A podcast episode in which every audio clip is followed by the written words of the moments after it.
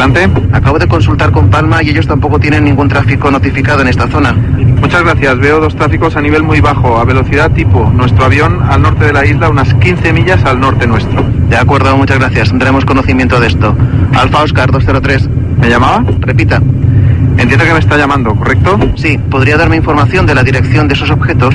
Sí, era paralelo a la aproximación de la pista 01, o sea, aproximadamente un poco norte, 30 grados máximo, y la posición debía ser muy próximo al norte de la isla, a una altura por debajo de los mil pies, estimativo. Sí, correcto. Yo creo que también he visto hace un minuto una o dos luces o algo con los prismáticos al norte de la isla, también muy bajo. De todas formas, tanto en Palma como Barcelona no tienen ni idea de qué puede ser esto, o sea que no tienen tráfico notificado. Bueno, gracias, a ver si lo logramos ver otra vez. Yo seguiré indagando a ver qué pasa. Vale, fenómeno, a ver si es que es un ovni o dos como mínimo. Mahón, dime. Palma, Palma, Oye, dime.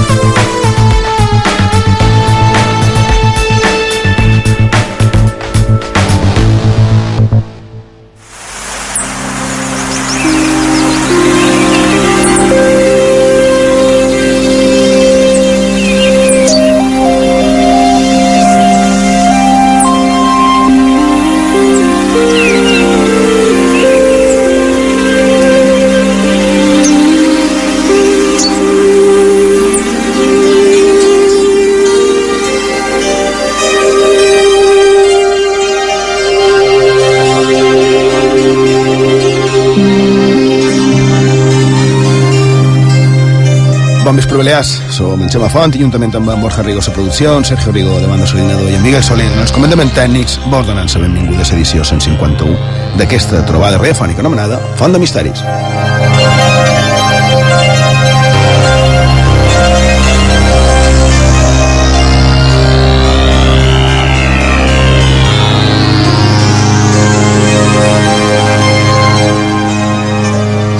Ja varen dir dissabte passat que, que és dilluns, dilluns d'aquesta setmana, seria la superlluna. S'ha anomenada superlluna, era igual, només que una mica més a prop i semblava una miqueta més grossa.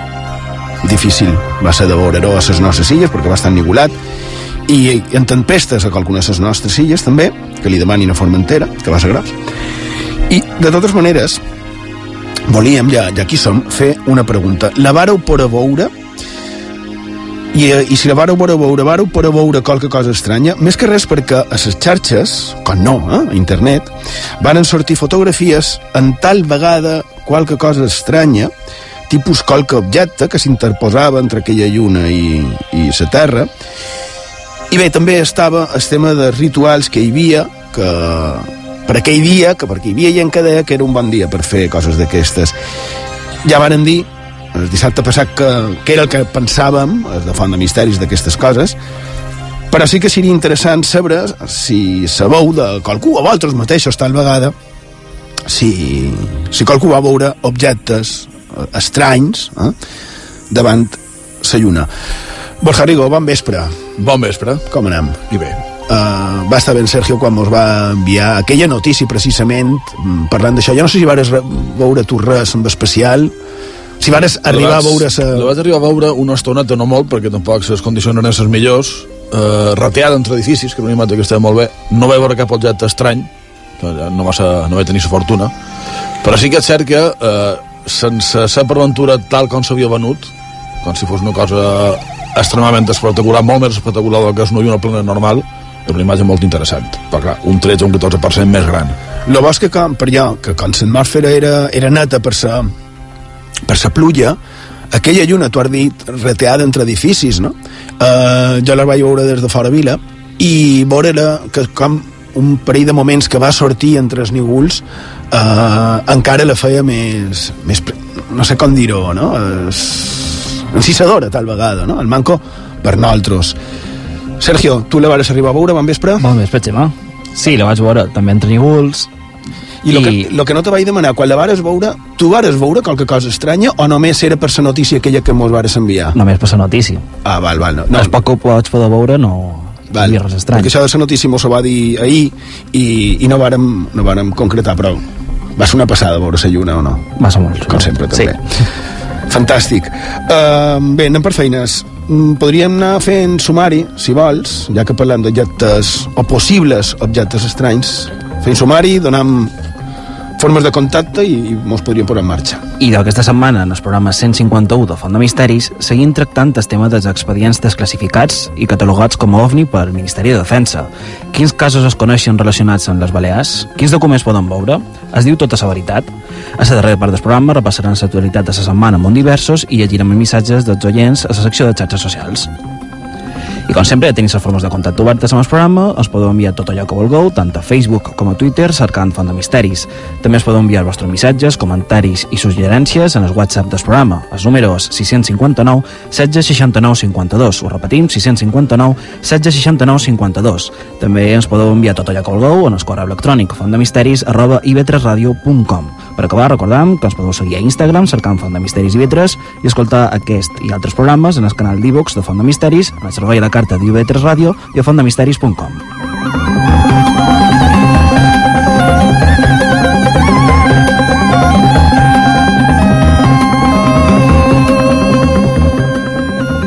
Tu la vares veure, aquesta lluna, Miguel Soler, en els comandaments? No la vares veure.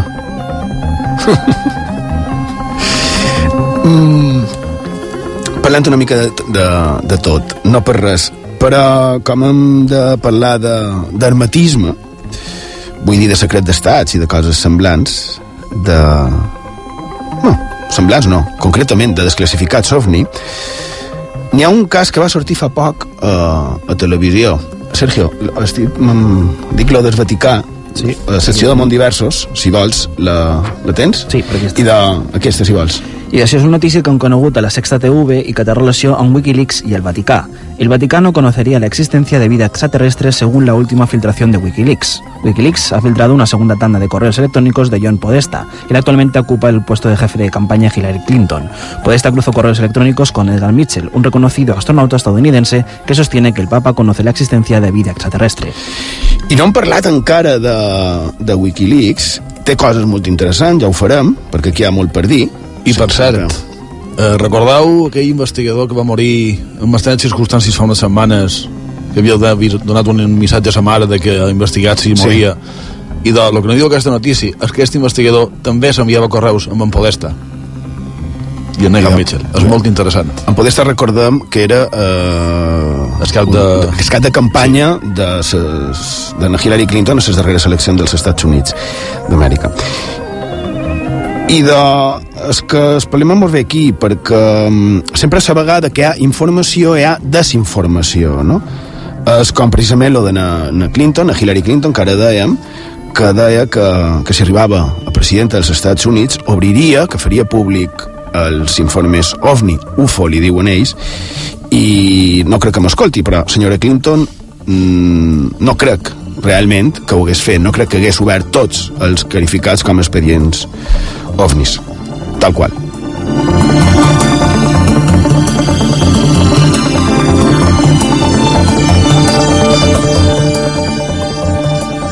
D'un que va ser sí que va ser president dels Estats Units dels quals també se va dir el mateix eh, era en Kennedy. I no va acabar molt bé mm, que recordem. Sí, però no crec que hi hagi una relació No, però directa. simplement una dada Això sí, curiosa. una dada curiosa i per afegir, sí, però la veritat és que, a més, li, li veig un, un motiu lògic per no dir-ho. És a dir, ells no poden dir que una cosa que qualcú ha observat han estat proves mm, fetes per ells mateixos, no? Prototipus i, i semblants. O qualque entrada en l'espai aeri seu que no convé que es sapi. No ho sé. És a dir, és, és molt delicat dir així talment, o més, així és com se va transmetre en el mitjan de comunicació. Per això he dit que no, no m'ho crec. Eh, de totes maneres, que el Vaticà conegui l'existència de, de vida fora de la Terra, això també, eh, que dèiem, n'hi ha molt per dir.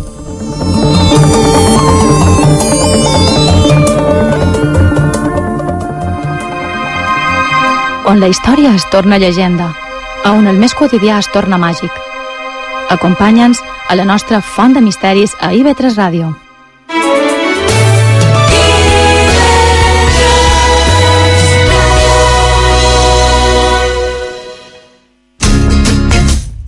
Les dones a les Illes Balears són un 49,99% de la població. A dones, la vida en perspectiva de gènere abordant temes que ens afecten a tots, homes i dones. Parlant de poder, d'urbanisme, de viatges, de la cura, de la pornografia, la violència o del masclisme. 60 minuts cada setmana per ampliar la nostra mirada. Dones, la vida en perspectiva de gènere. Dimecres, a les 6 del cap vespre, a IB3 Ràdio. IB3 Ràdio t'ofereix la millor qualitat de recepció. Sintonitza la ràdio pública de les Illes Balears. Eivissa i Formentera, 93.7. Misteris i llegendes a Font de Misteris, amb Xema Font.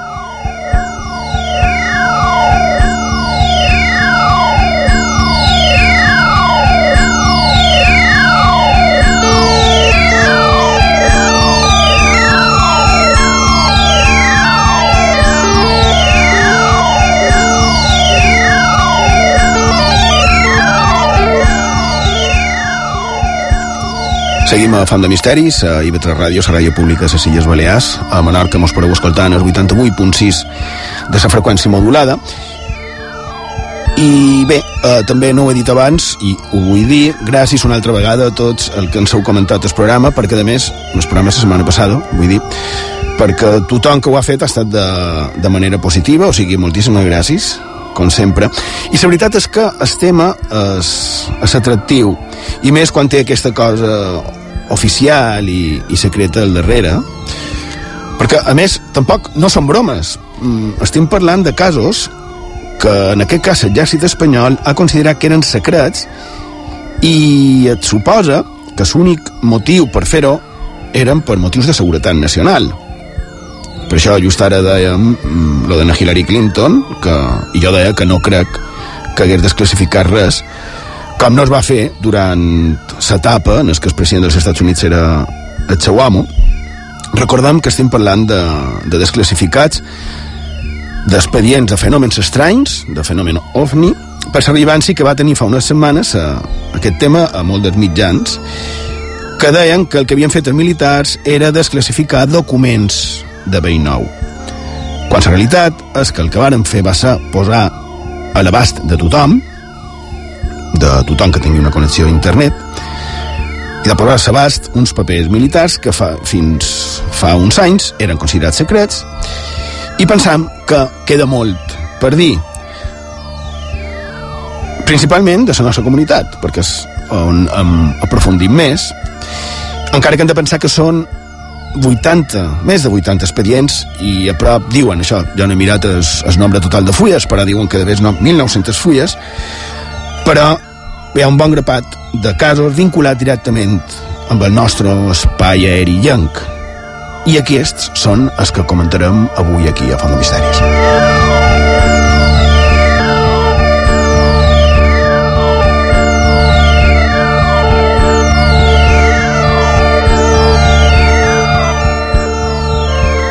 Un dels que van veure la setmana passada feia referència a l'observança per part d'uns pilots un pilot d'un vol comercial, que demanaren a la torre de control que s'hi podria informar del que era el que mm, ells havien vist, que havien vist un llum. Al final intervé una altra torre de control de Menorca, dient textual que des d'allà també ho han vist, amb els binocles. I, i bé, també Barcelona, Palma. I les altres torres de control properes no sabien ni tenien constància que podria ser. Al final diuen els propis militars que, que podria ser que fos aquell dos llums i diuen que podrien correspondre-se a dos avions de combat. Però el dubte que ens va sorgir va ser si eren dos cases militars mmm, perquè perquè els, els militars de l'exèrcit de Saire no ho varen confirmar directament, és a dir, ells podrien haver confirmat uh, aquestes dades i dir, efectivament, aquest és el pla de vol dels avions que es van veure aquell dia. Però no, l'únic que fan al manco en aquest desclassificats és dir, textualment,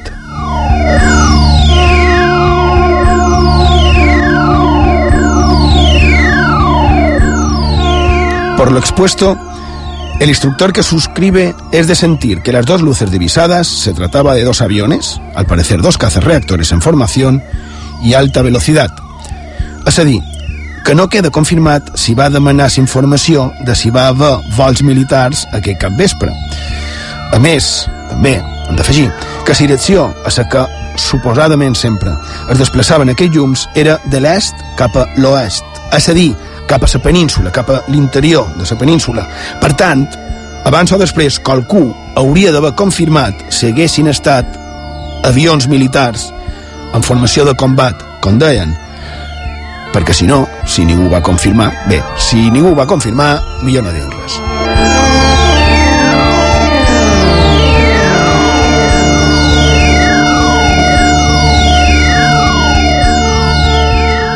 I a més, ho van comentar crec la setmana passada, no sé si dins o fora del micròfon, és l'explicació més senzilla. És una explicació que serveix per qualsevol persona i ja està bé.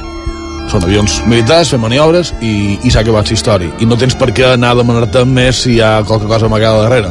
Clar, com a, com a civils, sí, i precisament per això ho dèiem, perquè, clar, els militars sí havien de tenir aquella informació. És, és diguéssim, una manera d'anar-te'n a dormir tranquil.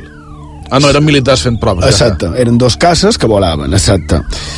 Però per què no ho varen afirmar com a tal? Per, per què no, no ho varen confirmar? Perquè tots els vols han de tenir, o haurien de tenir, precisament uns documents on diuen qui, quan, a on i, i per què no? de, de qui vol. I, I si no serveixi, ens pot servir com a exemple el famós cas eh, Manises, Bé, famós, el cas Manises pels interessats en aquests casos i en aquests temes. Però segur que mirant de veïnar la documentació trobarem qualque informació que, que no sabíem i ho diem precisament perquè en aquest cas Manises hi va haver precisament un avió militar que va sortir a cercar allò que qualcú va veure. Va sortir, va prendre el vol un, un avió militar i pareix que va confirmar que ho veia va haver de tornar. I tot això no tan sols està recollit en els informes militars sinó que, que com va transcendir fins i tot va haver una intervenció en els Congrés dels Diputats d'aquella ja incipient democràcia. I aquesta intervenció va sorgir arrel d'unes preguntes fetes pel diputat don Enrique Mujica Herzog que per aquell llavors era diputat del grup parlamentari socialista basc i va demanar a la Comissió de Transports i Comunicacions, que es deia així, que informés damunt d'aquests fets. Uh, li va sol·licitar al president del Congrés, que era l'Andelino Lavilla. I deu anys després ho comentava així a televisió Niñaki Gabilondo. Muy buenas noches, señoras y señores. Era ministro de Defensa Agustín Rodríguez Sagún. Hace diez años, en el Congreso, tenía lugar una interpelación parlamentaria asombrosa. Señor ministro, ¿es cierto o no es cierto que un caza del ejército del aire español ha perseguido, ha salido en persecución de un objeto volante no identificado? Però verdaderament era tan seriós tot això? Verdaderament estem davant d'una interpel·lació parlamentari on es demana oficialment qüestió damunt de, de temes ovnis? Perquè clar, així també, de, de bones a primeres podria no, no semblar seriós, no?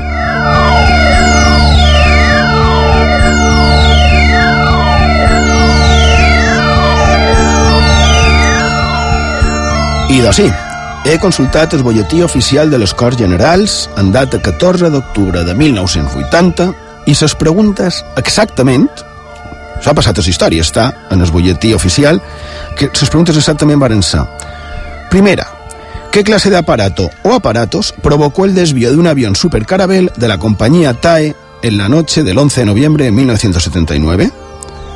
Segona, ¿por qué tres tráficos, entre cometas, de origen desconocido permanecieron durante más de cuatro horas sobre el espacio aéreo español? Y la tercera, ¿qué clase de aparatos obligaron al despegue en alerta, entre cometas, de un Mirage F1 de la base de los Llanos, en Albacete, i això va ser signat per Enrique Mújica Herzog a Madrid el 26 de setembre de 1980.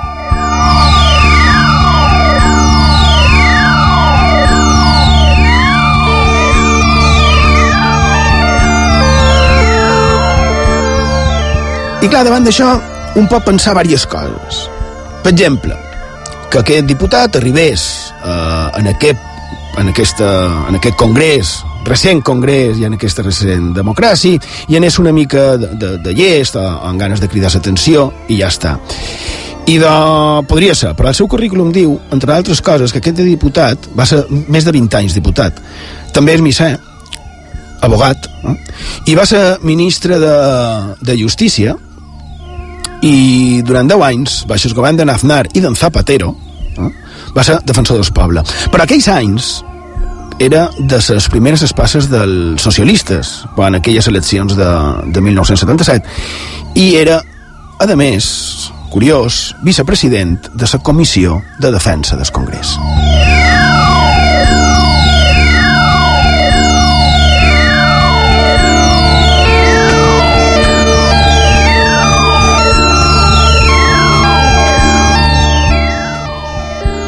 I d'ell va fer aquestes preguntes en el Congrés i quina va ser la resposta? I de, ens ho diu ell mateix. La respuesta del gobierno es una respuesta, diríamos, eh, convencional, como la de otros gobiernos, otros países que se han visto sometidos a mismo control parlamentario. Es continuamos investigando, no podemos dar ninguna información, proseguimos estudiando el fenómeno.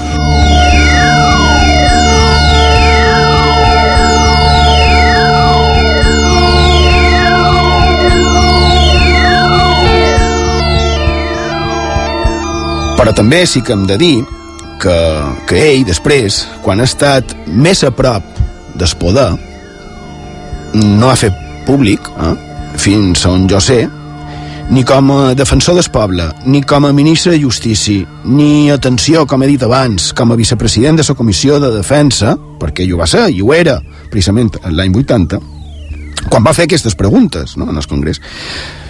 Però encara així, ell va ser mm, dels primers, podríem dir, si no és primer, que es va queixar de que no s'informés d'un fet succeït, en aquest cas, a les nostres illes. I el que deia va arribar en el Congrés dels Diputats. Bé, Borja, m'estem parlant del cas Manises, podries contar què és es conegut com a cas Manises, perquè, com deia, es va iniciar aquí, aquest cas, a les nostres illes, però directament va sortir de Mallorca i per d'haver-se vertical d'Esvedrà, a Eivissa, va tenir una, una trobada en qualque cosa estranya. Però per què es diu Manises? I doncs diu Manises perquè també se va veure implicat l'aeroport de València. Per què, Borja Rigo?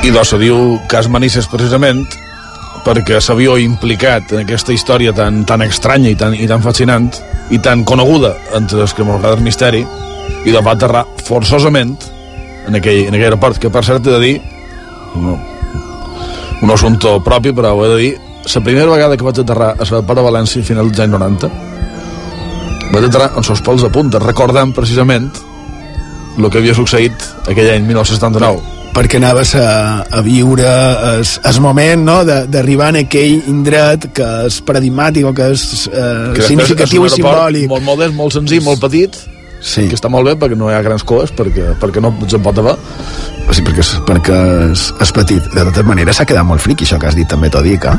és cert. Bueno, i de, no diré, idò, que duia un llibre de Benítez dins la maleta.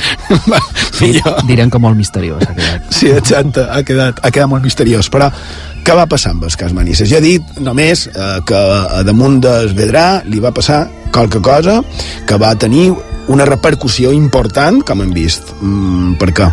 Que va veure, que, que creuen que van veure. 11 de novembre del 79, el famós ja supercaravel de la companyia TAE, de Transportes Aèries Espanyoles, el vol JK297 en tres principals protagonistes podríem dir en Francisco Javier Lara Tejada, en Ramon Zuazo i el mecànic en, en Francisco Javier Rodríguez i clar, com deies tu, per damunt més o manco la vertical del Vedrà comunica l'avió en control dient que té uns tràfics que se li acosten en rumbo a la col·lisió. I a menys que pot ser? I el gran problema ve quan li diuen que no hi ha res. Clar, a més, el, el pilot el que rep és una senyal de, de com alerta, un sos, però no hi ha res en el qual puguis ajudar.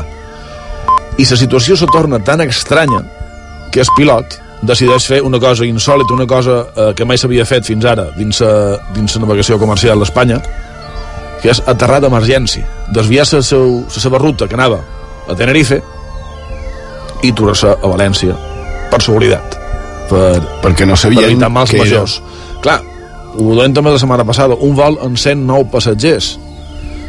És lògic que un pilot en tantíssimes hores de vol no se vulgui jugar es, es tipo, com se sol dir ni el seu ni el del seu passatge Sí, però després en, els, en aquests expedients mm, hi ha bandes que diuen que mm, el que va veure era i hi ha bandes que diuen que no. El pilot de, d'escassa de combat que va sortir eh, a cercar aquestes llums impossibles, segons declaracions fetes ell a premsa, no les declaracions fetes en els expedients, sinó fetes a, a premsa, més o manco que venia a dir aquest senyor. Clar, es, es, el cas d'en Fernando Cámara, que a les dues de la matinada d'aquell vespre va ser cridat a, a Scramble Alerta perquè sortien els miralls des de los llanos de l'Albacete a perseguir el que suposadament havien vist els, els tripulants i els, i els passatgers de Supercaramel. Va estar hores perseguint tot allò. Resulta que quan s'acostava a certa distància el que fos allò, aquella llum, aquell, el que fos, bloquejava les armes d'escaza. Per tant, les hipòtesis que s'han... Perdona, uh, això que bloquejava les armes i part dels sistemes electrònics de d'escassa ho va reconèixer ell, sembla, mm, el, el propi pilot, però en els expedients mm, diu que no, no tant, no tanta. I també diu que la distància a que se va atracar els llums, a l'expedient, diu que el pilot deia que eren de més, eh, estic parlant de memòria, deia que el pilot parlava de 200 o de 400 metres i el, que és poquíssim, i els expedients aquests desclassificats parlaven de crec 900 metres, no? que també és Clar, poquíssim, en vol tenir qualque cosa a 900 Però clar, metres. un pensa, si, mitja des, milla. si després no se detectava amb el radar bé, les estimacions aquestes tampoc poden ser reals. Potser te pots fiar més de suposar bon criteri d'un gran pilot, perquè en càmera era un gran pilot, si no, no l'haguessin tret a perseguir segons què. És, és inquietant. I també deien els, els que varen tenir la possibilitat de comprovar-ho en el cel, aquestes llums, també parlaven, per exemple, de eh, tamany d'aquests fenòmens, no? I els expedients militars també parlen del tamany i diu, no, no és que fos el doble d'un Boeing, és que els dos llums que es veien estaven a una distància que era semblant a la de dos Boeings. Què vol dir això? En principi que realment hi havia qualque, qualque tràfic, hi havia I, qualque... I que en principi feien d'haver 200 metres de llarg. per exemple. Però. Això són elucubracions que feim nosaltres que es posam aquí perquè pensam, perquè en el final que varen dir que era tot això? El cas, es, abans de veure això, és que, és que en càmera mm, perilla de quedar-se fora combustible i decideix tornar vist el resultat de que no pot ni arribar a la velocitat d'aquella cosa ni la pot atacar i també s'està posant en perill. Per tant, torna, allò fa el que hagi de fer i l'explicació de les moltes que s'han donat, l'explicació més, més vàlida, entre cometes, el manco de manera oficial, és que eren uns llums, uns reflexos d'una Refineria? d'una refineria, exacta, d'escombreres. És a dir, mm, però clar, en càmera va estar perseguint aquell suposat reflexe per gran part del territori nacional. És a dir, haurien de ser unes condicions climatològiques estranyíssimes, eh, impossibles, miraculoses, per ventura més estranyes encara que, sí, doncs, particularment el manco, que sí que està perseguint un ovni. Mm, ja ho pot ben dir. És un cas que, en resumim molt, perquè és el més llarg que ha en aquests expedients. Tens per aquí, per cert, també pot ser interessant Per començar, tinc per aquí eh, la revista Números número 200, publicada el 2012, Mm? que precisament du com a portada Desclassificació OVNI, un error premeditado, i ja anuncia que en aquell moment ja feia 20 anys que s'havien desclassificat aquests expedients dels quals estem xerrant ara. Que n'hi havia, sí, n'hi havia que ja estaven desclassificats, sí, correcte. I aquí hi ha una petita entrevista que li fan en, en Loren i en Fran Contreras, en, en, en el Jorge Benítez. Loren Fernández és el director de de la la revista. revista, sí. Hi ha una de les preguntes molt curiosa, eh, que ja directament li demanen ¿Por qué se mutilan expedientes como ocurre en el caso Manises? ¿Y qué diu? Lo siguiente. Diu, porque cualquier cosa que pueda ratificar que el fenómeno OVNI es real no interesa a los militares. Cuando un caso es especialmente importante, se trata de echar por tierra como sea. Se aborda cualquier explicación, se suprimen las partes que pueden ser un peligro. En Manises hay cosas manipuladas. La declaración del piloto, según me contó él mismo, estaba manipulada. Te voy a decir una cosa, hay expedientes más manipulados que el de Manises. En Juanjo Benítez, la revista Enigmas, any 2012.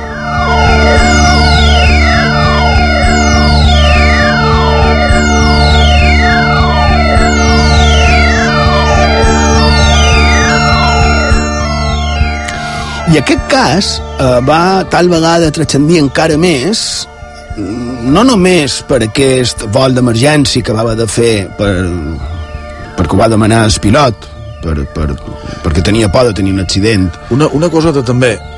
si comencem així, hi ha 140 fols d'expedient Borja, no aturarem mai És, eh, el que no han dit és que una vegada a Terra Super Caravel aquelles llums encara eren per allà. És a dir, del propi aeroport de València Se va veure, clar. Sí, I de fet, tenim un petit tall de bou que va recopilar en el seu moment l'Universitat Don Juan Can Moreno, que és del director de l'aeroport de Manises d'aquell moment i talla el que, lo que va veure. El tenim, el tenim per aquí, si voleu per sentir. I de Miguel, si vols, l'escoltam.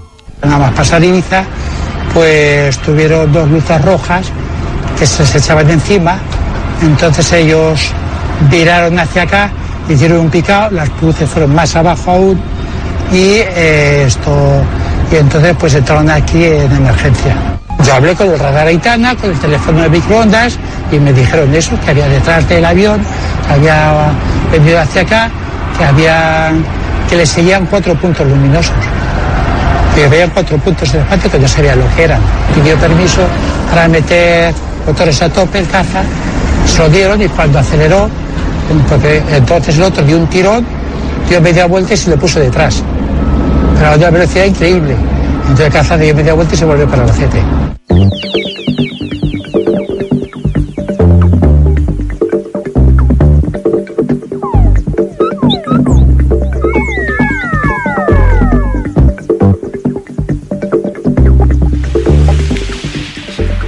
Aquest que estava relacionat, i per això va ser tan conegut, eh, que relacionat amb, amb els polítics, no?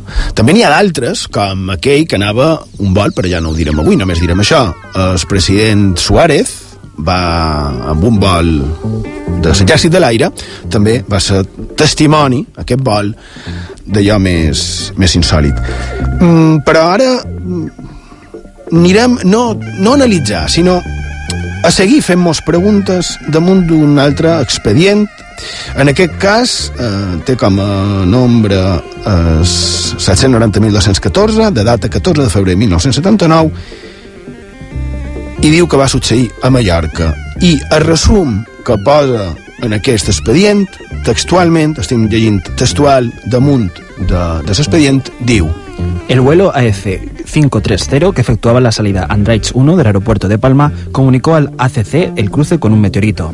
La observación consistió en una bola blanca con reflejos verdes, muy brillante, que por la zona de la sierra les cruzó por debajo, de izquierda a derecha, sentido suroeste-noroeste, cuando se establecían en la A29 en dirección a Reus. Índice de documentos. Documento 1. Nota del Servicio Nacional de Control para el Estado Mayor del Aire, con fecha de marzo de 1979, remitiendo copia de la grabación magnetofónica de las conversaciones mantenidas entre el ACC de Palma y el vuelo AF530. Documento 2. Copia de la cinta magnetofónica. Consideraciones. No se aprecian aspectos que hagan aconsejable mantener la condición de materia clasificada.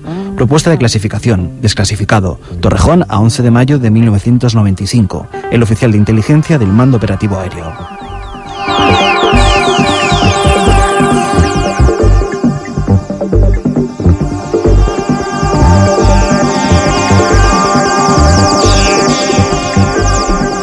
Aquests papers que mm, s'acaba de narrar en, en Sergio surten amb un parell de, de segells oficials.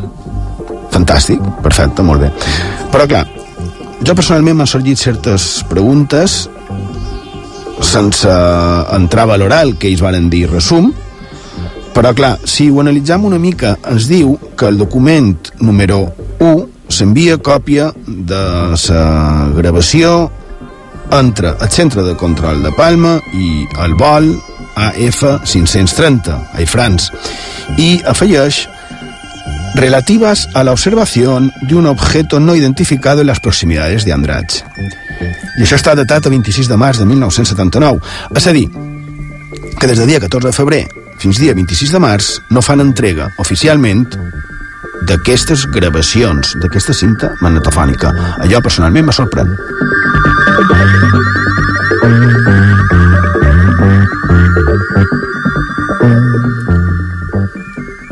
supos que fins i tot els més joves encara saben que una cinta magnetofònica és una, era un sistema per enregistrar veu, per enregistrar eh, àudio, eh?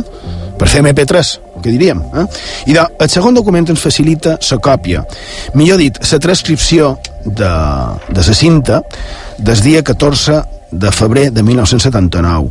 I és una llàstima no poder escoltar l'original, però encara que, que... Bé, sí, el mateix que vàrem fer la setmana passada. El que, el que hem fet és dramatitzar-ho. Uh, s'han ajudat en Joan Trias, en Pep Díaz i Antoni Escanelles, juntament amb en Miguel Soler, companys i amics tot de, tots ells d'aquesta casa, d'IV3 Ràdio, la Ràdio Pública Cecilles, i aquí teniu la conversa segons transcripció oficial i textual que figura en aquests documents militars. Palma, Air France 530, buenas, no buenas, buenas tardes. Pasando 2.000 pies en ascenso para 60, Andrach 1 salida. 530, recibido. Autorizado a nivel 240. Notifique a Andrach. Air France 530, autorizado 240. Notificaré a Andrach. Air France 530, estimada a Reus, por favor. Air France 530, estimando a Reus a los 17. Cambio. Recibido. Air France 530, Palma. Adelante, 530. Está usted autorizado a nivel 260. Contacte con Barcelona en 127.7. Per ¿Perdón? ¿Puede repetir? Es que acabamos de ver cruzar un meteorito y no podemos oír su mensaje. Comprendido. Está autorizado a 260 y puede pasar a Barcelona en 127.7. ¿Tenéis algún tráfico por la sierra? Dice que hay un meteorito. Es que hemos visto una bola muy brillante que ha pasado sobre la sierra. Air France 530, la TVR acaba de comunicarse que ha observado algo especial en su dirección. Por favor, ¿puede indicarme lo que vio usted? Actualmente estamos a 35 kilómetros con radial 333 de Andrach y hemos visto una gran intensidad luminosa blanca con reflejos verdes perpendicularmente a nuestra ruta, sentido sudoeste-noreste. ¿Puede indicarme si estaba a su altitud? No, no, no, negativo, por debajo de nosotros. A nuestra derecha se ha difuminado, habiendo pasado de izquierda a derecha, parándose aproximadamente a nuestros 30 grados, es decir, a mis 3 horas. Ok, gracias. Eso coincide ahora con la información que tenemos de la torre, que también ha observado algo raro sobre el área de la montaña. Buen viaje, hasta luego. Ok, muchas gracias. Hasta luego. Hasta luego.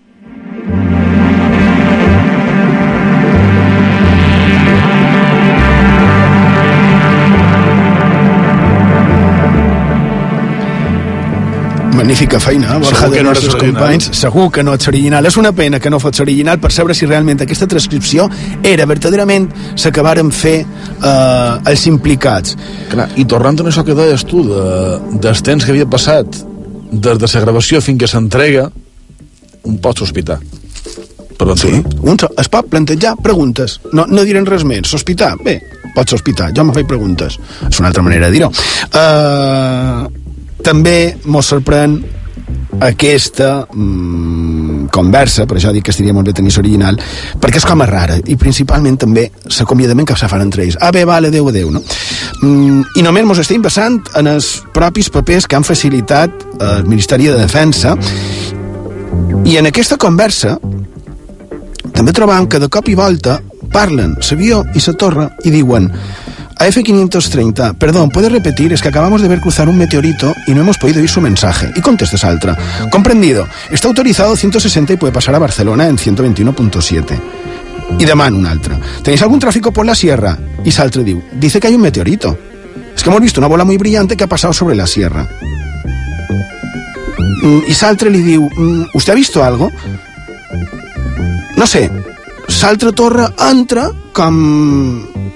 que ha afirmat, afirmant que ha vist ell també qualque cosa, dient que han vist una, una cosa molt brillant. I dic que crida l'atenció perquè el document en aquests papers que en Sergio ens ha llegit fa un moment, no diu, no parla de que hi hagi una conversa amb un tercer, amb una altra torre, que jo entenc que és de Barcelona.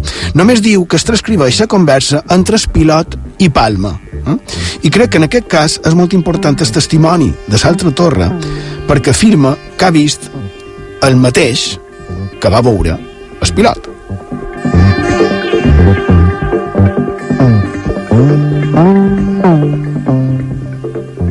I què era això? Bé, el desclassificat ho diu ben clar. Era un meteorit.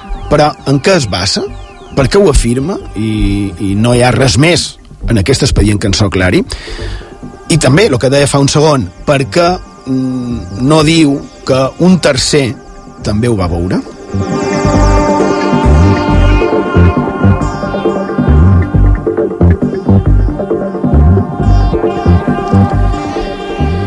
També, com és que diu que és un meteorit y la frase exacta es el vuelo F-530 que efectuaba la salida Andrachuna del aeropuerto de Palma comunicó al ACC el cruce con un meteorito i afegeix un pic afirmat que era un meteorit, a continuación diu la observación consistió en una bola blanca con reflejos verdes, muy brillante, que por la zona de la sierra les cruzó por debajo de izquierda a derecha.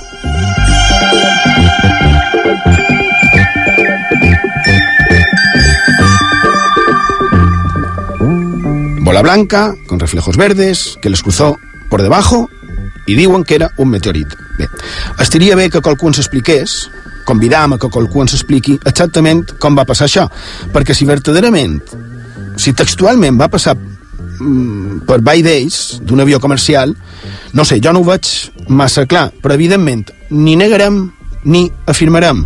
Perquè el final el que han pretengut fer amb aquesta petita exposició de papers dels militars que tenim tots, recordem, el nostre abast a la biblioteca virtual del Ministeri de Defensa i de l'únic que han tractat és de plantejar preguntes, que tots ens plantegem preguntes. Tal vegada, si ho féssim més, ens prendrien en general, eh, parla en general, ens prendrien una mica manco espel.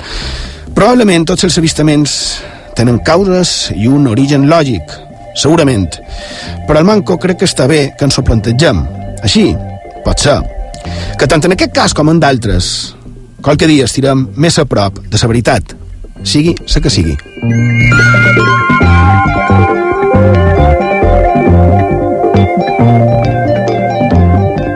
A IB3 Ràdio, Font de Misteris, amb Xema Font.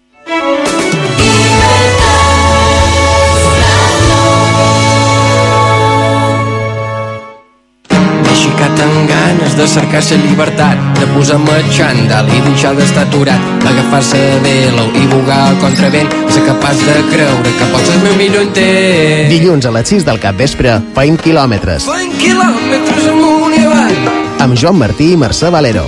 allà on les coses passen quan corre. Fent quilòmetres amunt i A IB3 Ràdio. IB3 Ràdio t'ofereix la millor qualitat de recepció. Sintonitza la ràdio pública de les Illes Balears. Alcúdia, 89.2. Misteris i llegendes a Font de Misteris, amb Xema Font.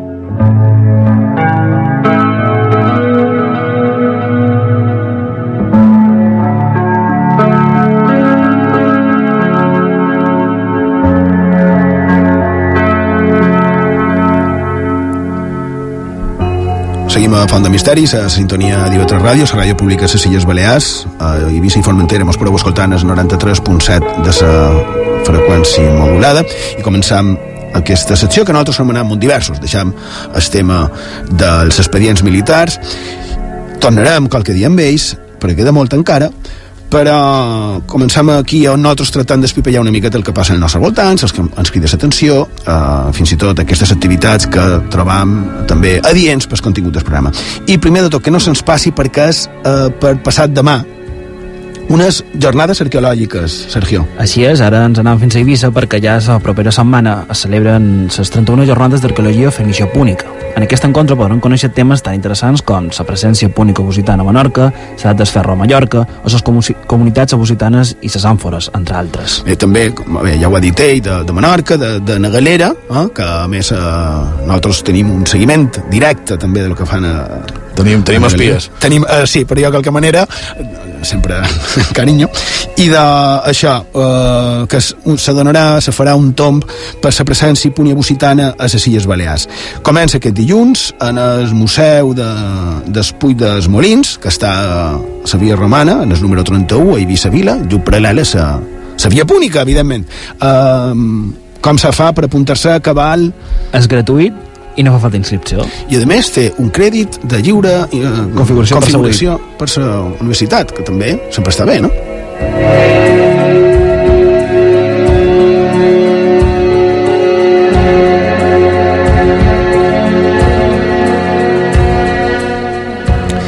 Abans, en el començament, mm, deien lo de, lo de la lluna i lo de rituals, eh?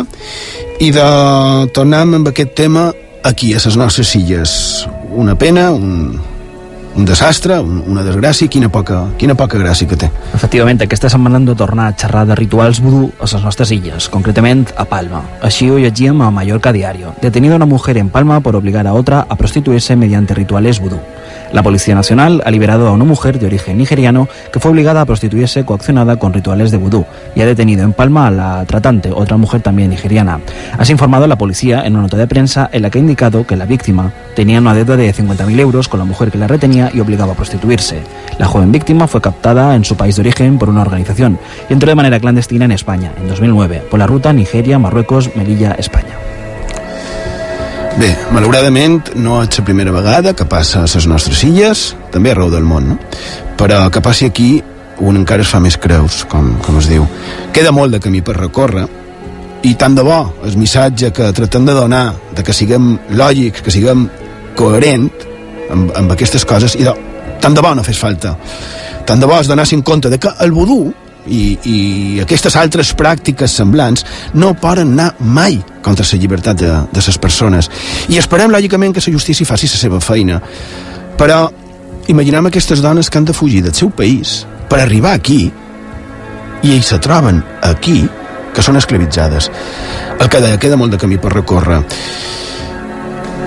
Bé, hem de parlar, per cert, companys, de, aviat de, de màgia negra i, i semblants. En aquest cas, eh, Nigèria, que per cert, Boko Haram, no oblidem aquelles pobres nines.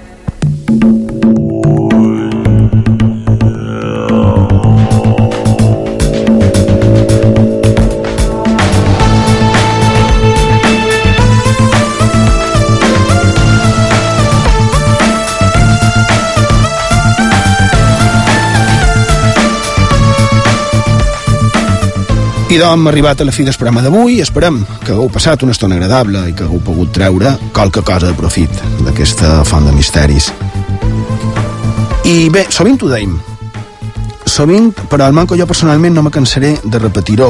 Quan qualcú ens conta segons quina experiència referida a fets com el que hem contat aquesta i la passada setmana, en general, normalment, es tendeix a, a riure-se, no? a mirar amb cares de condescendència, a creure que l'altre és un flipat, que l'altre no sap el que diu. Sovint passa això. I pens que no és més que supèrbia i, i prepotència, no és més creure-se superior als altres.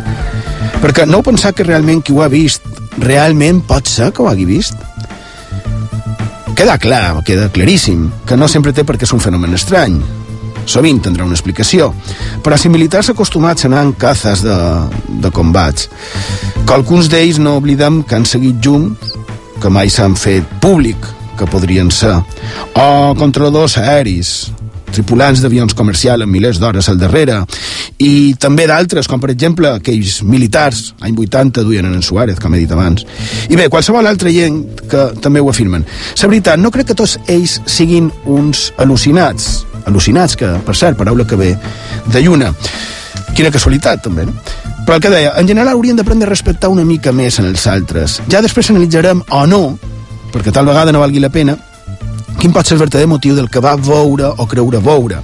Però el és segur és que quan qualcú seriosament per el testimoni mateix eh, diu que ha vist qualque cosa és perquè qualque cosa estranya hi havia al darrere encara que només fos un avió però si aquesta persona no ho va identificar que és ningú per tractar d'ofendre per riure'n-se, no per fer mofa o, o befa coneixeu, sabeu la història de la llegenda de, d'Escurassant? Sí, d'Escurassant, de l'origen d'Escurassant Sí, estic parlant d'aquella peça de, de brioixeria tan típica del berenar a molt de punt del món, com suposa francesa però sembla que és vienesa. I de permeteu-me, molt breu, diuen que, que fer aquest bollo en forma de mitja lluna va ser concedit com a recompensa del rei a uns lots que en el segle XVII feien feina a un obrador d'un font on es feia pa. Imagineu uns lots joves, segle XVII, a una ciutat, Viena, que més era assetjada pels turcs, els coneguts com aquí, els coneguts com a moros, no només atacaven la Mediterrània occidental. El cas és que aquells lots devien dur una vida feixuga i al vespre, quan tothom dormia, ells havien d'anar a pastar pa i a fer feina. Però un dia començaren a sentir renous estranys. Renous que no sabien d'on venien, i cada vespre més i més renou, fins que es deien estranyar donaren avís i va resultar que eren els turcs que estaven fent un túnel per poder entrar a la ciutat d'amagat i així poder-la conquerir aquells lots, que es trobaren amb aquella cosa estranya, una situació que segurament els hi va fer por fer pública, fins i tot se degueren riure d'ell, no? però al final van tenir raó. No va ser paranormal, però sí un fet extraordinari que potser hagués modificat, tot sigui dit de pas, probablement la configuració actual d'Europa. Ja no ho sabrem, però el que sí sabem és que si aquesta història, aquesta llegenda, és mínimament certa, poc agraïment va tenir el rei donant-los exclusiva del font de la cor reial i apadrinant una mena de coqueta, no? que sí, ens fixam, té forma de mitja lluna, el símbol dels musulmans. Per això, avui, a les utopies de gairebé la mitjanit del 17 IB3 Ràdio, crec que hem de tenir present que el primer que hem de fer és escoltar, no ens riguem. Primer tractem de posar en mos en el joc de l'altre, respectant, perquè com a mínim aquella veritat, encara que estranya, per el propi testimoni és la seva pròpia veritat. Excepció, clar, d'aquells que van per la vida d'il·luminats, de gran gurús i de sabedors, del que ningú verdaderament no en sap D'aquest sí, el manco jo acostuma a fugir. Avui, per acomiadar-me, s'ha volgut triar una cançó per diversos motius. També, per què no, relacionat amb aquest tema, però també per altres. Diu l'autor, quan varen travessar la frontera m'aconsellaren que en rendís, però jo no podia fer això.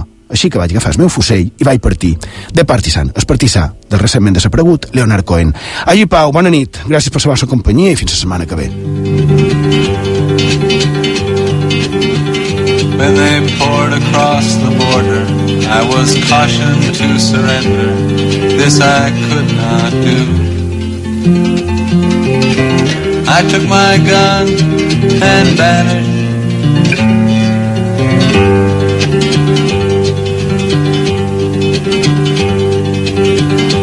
I have changed my name so often. I've lost my wife and children, but I've many friends. And some of them are with me.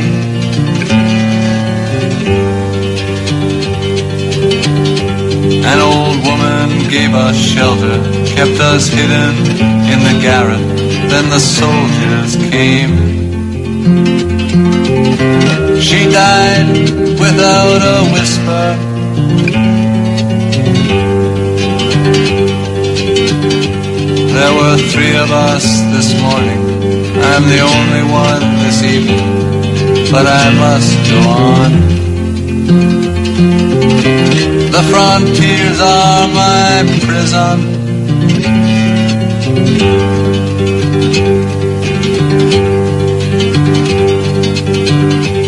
Oh, the wind, the wind is blowing. Through the graves, the wind is blowing. Freedom soon will come. Then we'll come from the shadow.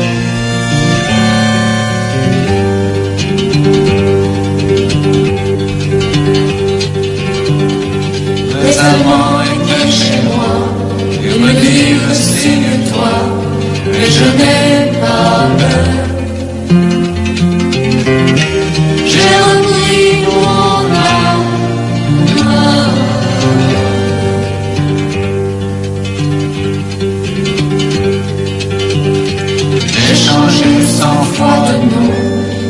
de femmes et enfants, que j'ai tant d'amis.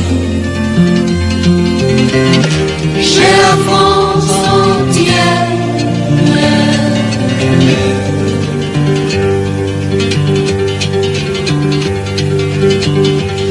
Un néant dans un grenier, où la nuit nous a cachés, les Allemands l'ont.